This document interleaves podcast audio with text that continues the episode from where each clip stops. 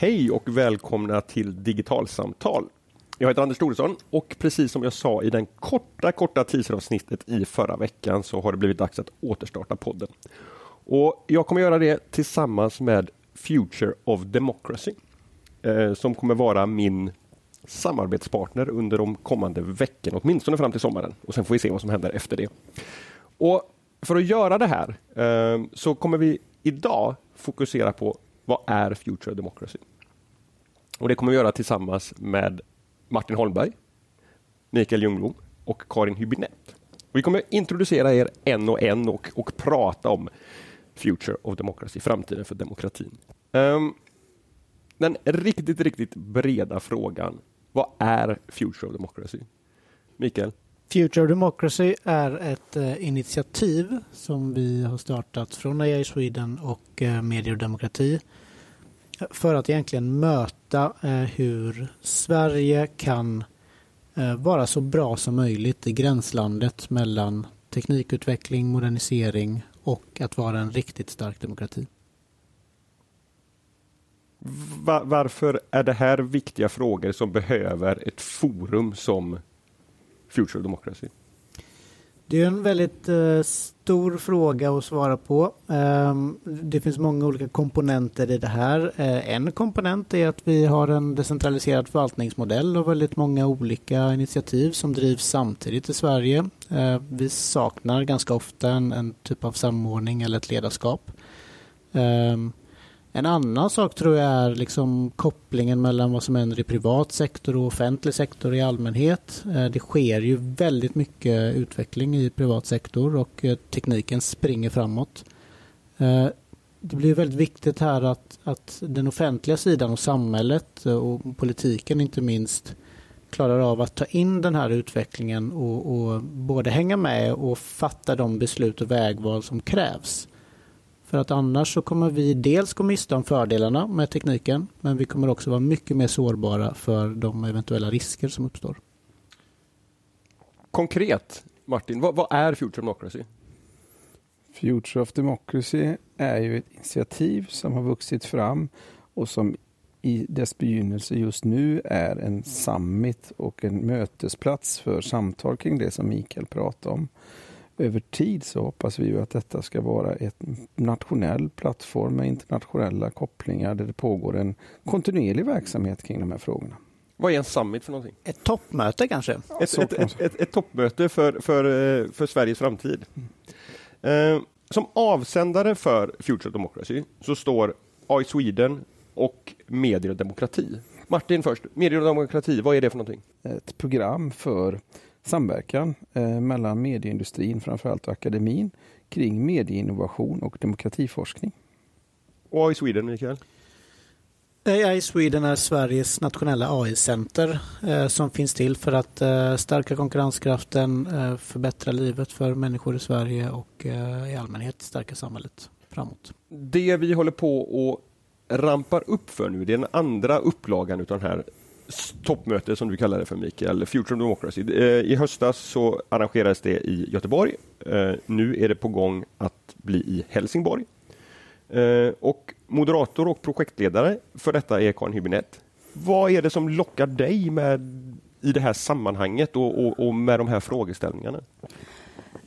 Även det, om jag börjar lite från början, när jag klev på det här och hörde talas om AI så stångade jag min panna blodig. Så vad, vad är det ni pratar om för något? Digitaliseringen var för, för mig som jag tror kanske tyvärr för många journalister och för många politiker verkar som en fråga om teknik och någonting som vi redan har och det är väl ändå bara bredband och vad, det där kan väl, det kan väl företagen sköta. Och sen har jag börjat förstå att det här handlar egentligen om välfärd, om utbildning, om transport och klimat. Allting som tekniken kan möjliggöra. Och när man också ser hur ojämnt det här fördelar sig. Det, det är något av ett lotteri var du råkar bo i Sverige. Om, om skolan kan vara, ge individualiserad hjälp eller om sjukvården kan vara bra på att förebygga eh, hälsoproblem. Då känner jag att det här är ju verkligen en samhällsfråga och det är framför allt en demokratifråga. Och jag har ju hållit på med det här ämnet nu i, ja, sedan april förra året. Det har kommit ett myrsteg men blir faktiskt ändå lite chockad över hur låg kunskapen är, inte minst bland andra journalister. Varför spelar det någon roll? Att, att ditt och mitt och, och Martins skrå är dåliga på detta? Jo, men jag tror att journalister är någonstans de som på något sätt praktiskt möjliggör att människor kan ta till sig samhällsutveckling, kan förstå den, kan ifrågasätta den, kan, kan ställa krav. Så journalistiken går ju liksom i bräschen för att berätta vad som sker i ett samhälle. Och om inte journalisterna förstår vad som händer, då förstår man inte heller vilka frågor man måste ställa. Om man jämför till exempel när vi mest höll på slog oss för bröstet för att vi var så bra på bredbandsutbyggnad. Då var det ganska lätt för journalister att säga men det finns ju inget bredband i Jämtland, det är odemokratiskt. Och då kunde man ställa krav, eller snarare ställa frågor till politiker och då kunde medborgarna förstå och så kunde medborgarna sen ställa krav. Eh, och därför är det så himla viktigt att journalister förstår vad som är på gång och också naturligtvis kan ifrågasätta. Är det bra det här? Blir det inkluderande? Får man vara med och bestämma? Vem skyddar min data? Det finns ju tusen frågor. Men ställer inte journalisterna frågorna, då är risken att en stor del av allmänheten faktiskt lämnas utanför. Mm. Eh, jag är ju helt med dig på det, att, att, att, att en kompetens ett brett kompetenslyft inom, inom journalistiken behövs. Eh, och, och, min känsla är att, att den förståelsen börjar också komma. Eh, om jag backar tillbaka när jag började som teknikjournalist på tidningen Ny Teknik hösten 99, då gick det fortfarande att, att skriva om teknik ur ett teknikperspektiv. Eh, jag kommer ihåg, jag var, jag var Ericsson-reporter på tidningen och, och en utav flera. Och det vi ägnade oss åt det var att liksom så här fascineras över den första WAP-telefonen. Över den, eh, liksom att, och nu var hastigheten i bredband, eller i deras mobilnät så här stor. Och, och liksom det var ett väldigt, väldigt teknikfokus. Sen har ju någonting skett, eh, nämligen att tekniken har börjat få konsekvenser och, och, kan användas som ett verktyg för att skapa något positivt eller någonting som, som, som, som skapar någonting negativt. Och med det så är ändå min upplevelse att journalister har också börjat intressera sig för att förstå tekniken faktiskt. Är, liksom Martin och, och, och Karin, de, delar ni den bilden att att det trots allt är en förändring på gång, en attitydförändring på gång? Ja, i, det är klart man ska vara lite försiktig när man säger journalister är si eller så. Det är väl såklart en, eh, finns ju jätte jättemycket kunniga journalister, inte tu tal om det. Men jag tänker lite grann det som jag tycker når ut brett. Mm. Och det tycker jag handlar för lite om de här, som jag ser det som, demokratiska frågorna. Mm. Eh, och för lite frågor. Och, men om inte journalisterna är på, då är det också en, då är samspelet med politiken blir ju på något sätt en konsekvens. Varför ska politiker prata om det här om inga journalister frågar? Det blir ingen valvinnande fråga, lite krasst. Och sen även där finns det naturligtvis otroligt duktiga politiker. Mm. Men generellt så tycker jag att det här... Eh, det, kan ha, det kan ha skett ett skifte, men jag tycker kanske då att det går lite långsamt. Mikael, du sitter och nickar. Du har en bakgrund i regeringskansliet. Vad, vad, vad, vad tänker du när du hör Karin beskriva både hur det som sker på högsta topp, politiska toppnivå bevakas utav, utav svenska medier, men också om, nu ställer jag en dubbelfråga som jag inte gör som journalist, men jag gör det ändå, så kommer jag komma ihåg den andra. Hur, vad, vad tänker du om, om faktiskt hur, hur politiker förhåller sig till det här? Men vi, om vi börjar med liksom Ja, eh, jag, jag, tänker börja i spåret. Jag struntar i dina frågor lite grann. Så tänker jag börja i spåret, Anders. Att, eh, det, som, det som Karin säger här är väldigt viktigt. Att det finns en, en, en, en symbios mellan medierna och politikerna. Medierna är ju politikernas väg ut till väljarna och det är ju de slutgiltiga målen i någon mån för de politiska partierna att, att nå, nå väljare och, och få genomslag för sin politik på det sättet. Uh, och, och, så att om man, om man tappar den länken som medierna utgör då tar man också bort incitamentet för politikerna att, att agera, att eh, prioritera, att lägga politiskt kapital på den här typen av frågor. Så att medierna har en otroligt viktig roll. Jag vill bara säga, säga det först. jag får skjuta in en sak där, så handlar det också om att eh, journalistikens kanske främsta roll är att granska makten. Och här kanske det handlar om att granska beslut som inte tas. Mm. Mera, eh, eller lika mycket som beslut som kanske blir fel. Men om det, är, om det händer för lite på ett område, då är det det man ska granska. Mm. Och då måste man också förstå mm. vad det är som mm. inte händer. Mm. Och vad det får för konsekvenser. Mm. Men då tänker kan du få ställa en fråga igen. fråga igen, Mikael. Om vi börjar med liksom förståelsen för, för det här då in, inne i, i riksdagen, i eh, utskotten och så vidare. Vad, vad, vad, vad kan svenska politiker och vad behöver svenska politiker lära sig, tycker du? Nej, men jag, jag tror att eh, precis som inom alla branscher så det finns politiker som är väldigt duktiga på det här och som bryr sig väldigt mycket om det här och som gör egentligen allt de kan för att den här frågan ska stiga upp på dagordningen. Eh, men, men, men min bedömning är ju ändå att det inte det finns inte liksom en bred kompetens eh, bland, i politiken i allmänhet. Det finns inte liksom en en generell kompetens i varje sakområde. Att i mitt sakområde så, så, eh, så förstår jag hur liksom moderniseringen och teknikutvecklingen kan förändra och hjälpa till och driva saker och eh, hur den liksom skapar nya förutsättningar. Den finns inte i så hög utsträckning som, som vi skulle önska, i min bedömning.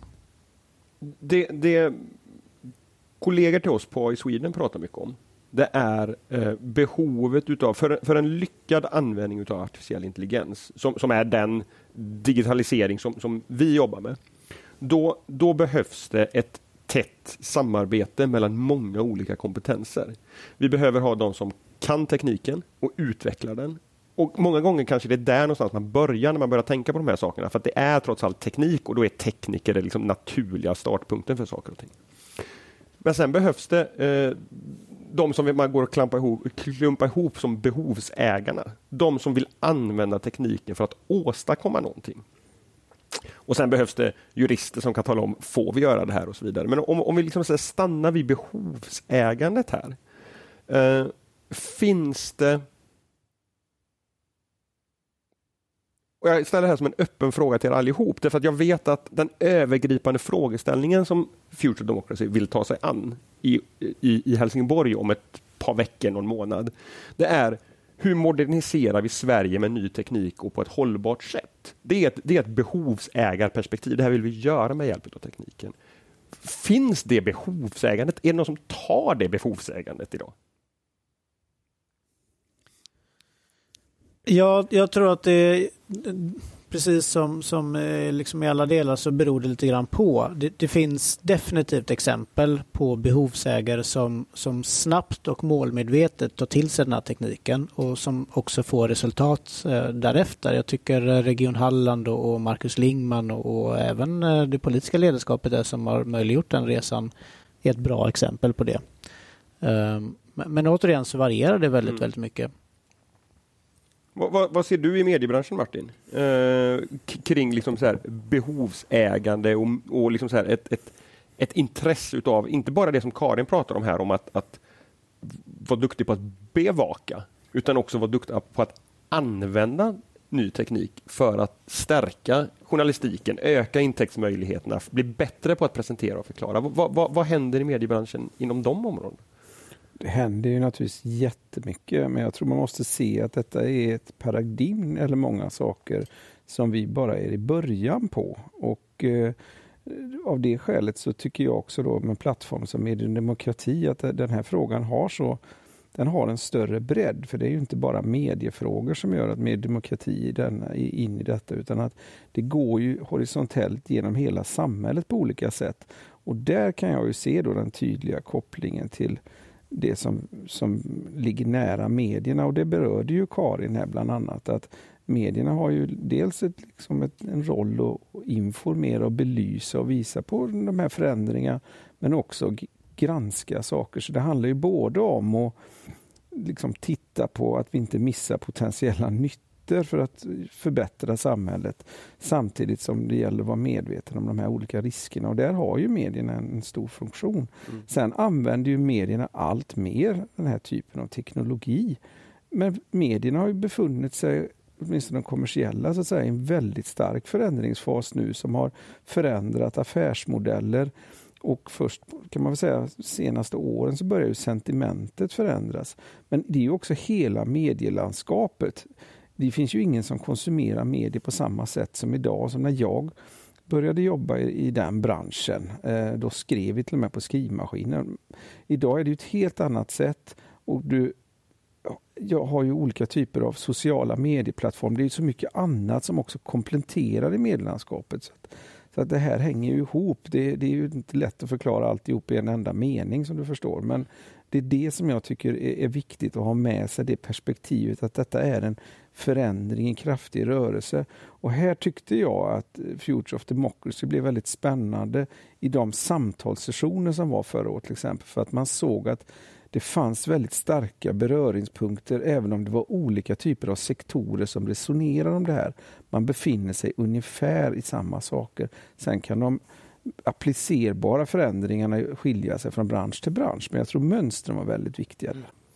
Karin, du uh, har ju rollen som projektledare för det som ska hända i Helsingborg. Uh, vad, vad, ser du framför dig? Vad vill du liksom ska hända de här dagarna?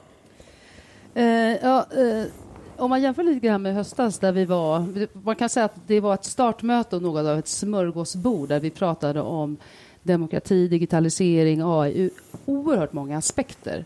Vilket man kan tillåta sig när det är första gången man drar igång något. Så, så hoppas jag att den här gången kan vi gå lite smalare och lite djupare. En fråga som var på tapeten innan den 24 februari eh, handlar om demokrati och påverkan eftersom vi har ett riksdagsval i höst och med kriget i Ukraina så är det eh, nu en, eh, så, så skrämmande aktuellt och kommer få konsekvenser inte bara i Europa. Så det blir ett spår. Vad händer? Och där är ju digitaliseringen ett verktyg. Vi ser ju, och vi hör varje dag hur det är desinformation och en strypt yttrandefrihet i Ryssland. Plattformar stängs ner. Det är rätt mycket propaganda från Ukrainas sida också. Vi har svårt att värdera det här. Och det här kommer att påverka oss alla. Och man diskuterar Sveriges cybersäkerhet. Vad är den på för en nivå egentligen? om ett stundande val. Så det blir naturligtvis ett spår. Men sen fortsätter vi på själva grundspåret som i sig också handlar om demokrati och påverkan. Det vill säga återigen hur samhället ska moderniseras. Vem ska styra den här utvecklingen? Är det bra att Google gör det eller är det bra att Sundsvalls kommun gör det? Borde riksdagen göra mer?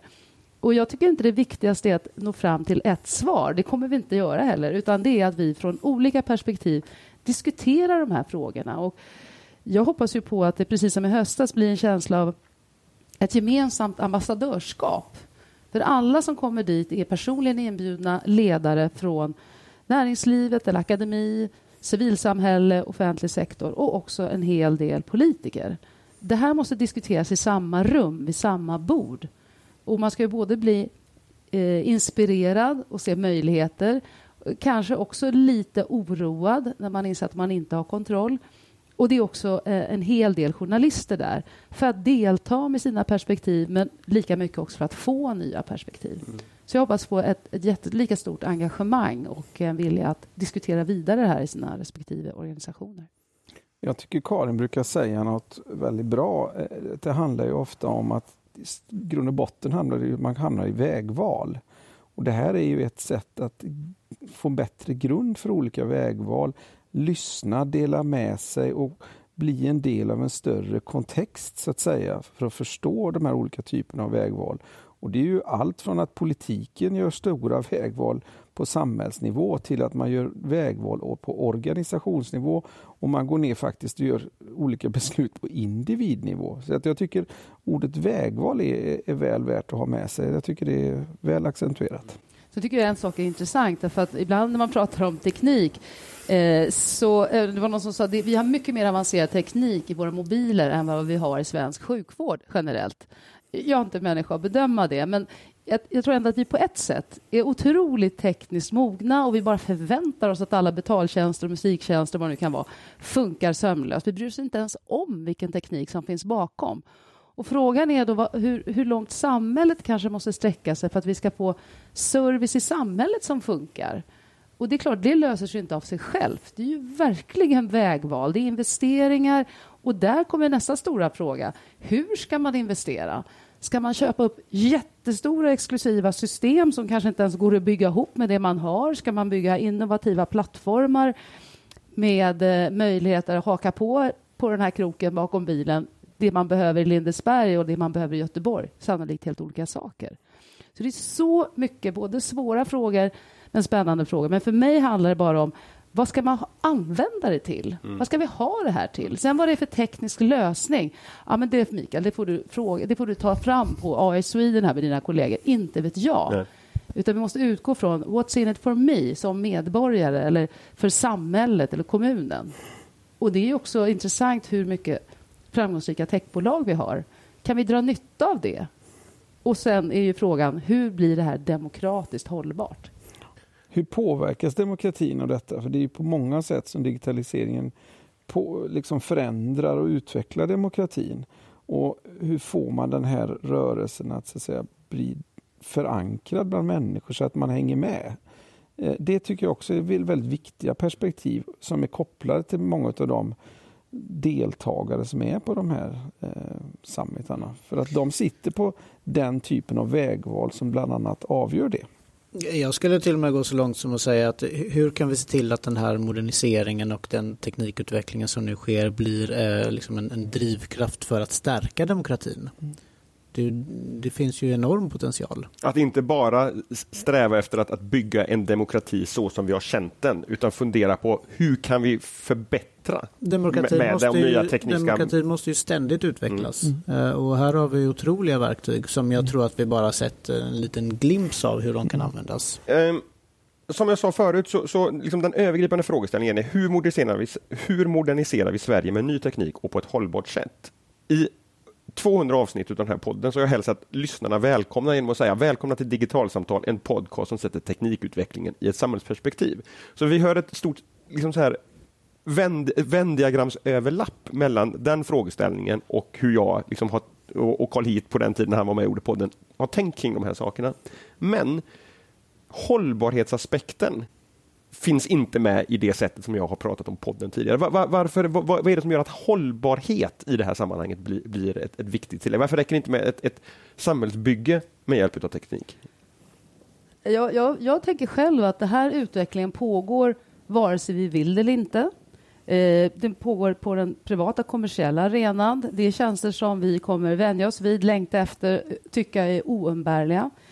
Och så måste samhället utvecklas. Tar man bara offentlig sektor det kommer inte finnas så många människor som går ut i, i, arbetslivet så att det räcker allt annat lika. Så vi måste göra någonting. Och det, det sker ju, som vi varit inne på i, eh, idag, också på flera håll. Men det sker ojämnt mm. och det sker nyckvis. Och det sker inte på ett demokratiskt sätt. Det tycker jag är liksom hela poängen. Mm.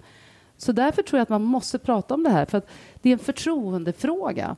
Eh, om man ska om man ska utveckla saker, om man säger att jag är ett techbolag, ja, vi, vi, vi testar den här, den här tjänsten, blev inte helt bra. Det kan man köpa och man kan tycka att ja, men det är företagets pengar. Men om offentlig sektor ska testa tjänster så är det också att... Och det, det här är trixigt. Ska offentlig sektor få riskera skattebetalarnas pengar? Mm. Och Marcus Lingman som du var inne på Mikael, han sa till mig, ja vi ska ju inte göra riskinvesteringar men varje gång vi bygger ett nytt sjukhus så är det en enorm riskinvestering och det har vi ju sett massa exempel på. Mm. Eh, det kan till och med bygga skolplattformar som man i efterhand kan säga var en ganska stor risk det där. Eh, så att, ska man ha utveckling så måste man också acceptera att allt kanske inte blir bra bör från början. Men motsatsen blir jättekonstig. Mm. Ska det bara vara privata skolor, privata vårdföretag? Och vad gör det med samhället och med demokratin? Jag vet att vid ett av de borden som jag satt vid vid Future Democracy i höstas i Göteborg så, så vändes det som du precis eh, refererade till åt andra hållet, nämligen att man är duktig på att göra riskvärderingar kring de förändringar som man vill införa. Men man i offentlig sektor är betydligt sämre på att riskvärdera att fortsätta med business as usual och se vad får det för konsekvenser om vi fortsätter göra så som vi alltid har gjort. Och det tänker jag, Karin, du och jag ska podda ihop. Jajamän. Och det kanske blir en fråga som vi kommer ta upp i de avsnitten som vi rampar upp inför Future Democracy. Ja, men det hoppas jag verkligen. Och jag hoppas just på det här stötandet och blötandet. För det här är ju inte frågor där vi kommer att acceptera att så här är Nej. det. Eller hur? Verkligen inte. Utan det är de här, när perspektiven bryts. Mm som man faktiskt blir klokare, som du och jag blir klokare och förhoppningsvis de som lyssnar blir klokare. Och det är det som ska inspirera till vidare samtal. Mm. Och med det så tänker jag att vi rundar av här som en introduktion till eh, nystarten av digitalsamtal i samarbete tillsammans med Future of Democracy och med Karin Hübinette som gästintervjuare eh, eller tillsammansintervjuare. Eh, Sidekick, vad Sidekick, du vill. vad jag vill. eh, Karin, eh, Mikael, Martin, stort tack för att ni var med. Tack Tack till dig. Tack.